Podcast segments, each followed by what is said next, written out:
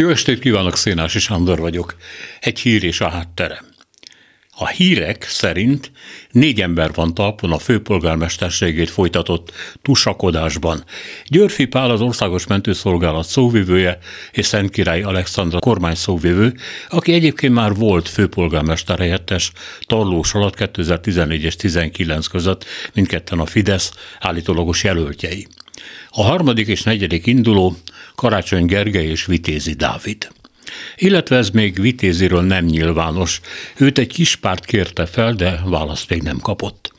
Ezzel együtt a medián 23%-ot mért neki úgy, hogy politikailag nincs túl jól beágyazva. Az 1%-os LMP-t ugye nem tekinthetjük tágas és biztonságos politikai otthonnak, de a Fidesz sem. Erre mindjárt rátérünk. Vagyis 39%-át kapta annak, amit a regnáló, több párt által támogatott karácsony szerzett. Ez utóbbi szám 37 százalék. Vitézi nyeresége nem sok, bár vegyük számításba, hogy még el sem indult, és a vállalja a jelöltséget, ez nyilván még nőni fog. Vitézit emlegették lehetséges Fidesz jelöltként is, ami logikus is lenne, meg nem is. Éppen a Budapest Fejlesztési Központ vezérigazgatója volt, amikor Palkovics minisztersége idején államtitkár lett, állam az általa felügyelt terület 2022-ben átkerült Lázárhoz, és meg is szűnt. Vitéz egy ideig államtitkár maradt, majd lemondott, gyakorlatilag ellehetetlenítették. Azóta folyamatosan bírálja a minisztériumot, a hodászi baleset, a vasút összeomlása, a vezetők kirúgása okán, és a fővárosnak sok milliárdos kárt okozó Lázár karácsony díl miatt a budapesti és az agglomerációs közlekedésről. Egy másik felmérés szerint, amit az LMP rendelt meg, Karácsony 38%-ot kapna, Vitézi pedig 16-ot. Ez már több mint 50%-os különbség. Ráadásul a medián szerint a még ismeretlen Fidesz jelölt is kapna láthatlanban 21%-ot. Ez azért leképezi a Fidesz szavazók bizonytalanságát Vitézivel kapcsolatban.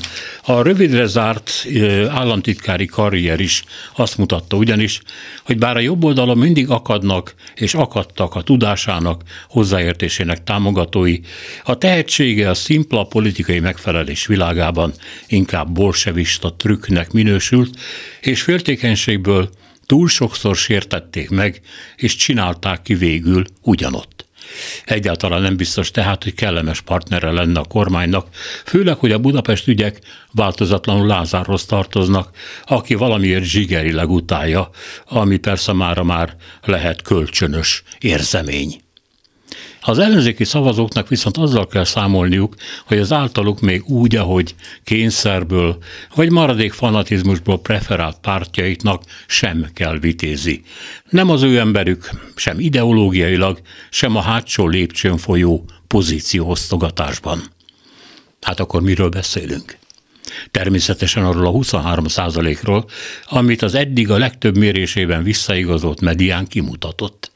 Ennyire hátszöl nélkül pusztán a tudása, a hitelessége, az elkötelezettsége révén a versenyben maradáshoz elég szavazatot egyedül is összeszedni képes ember ritka madár ebben a beteg és torzországban.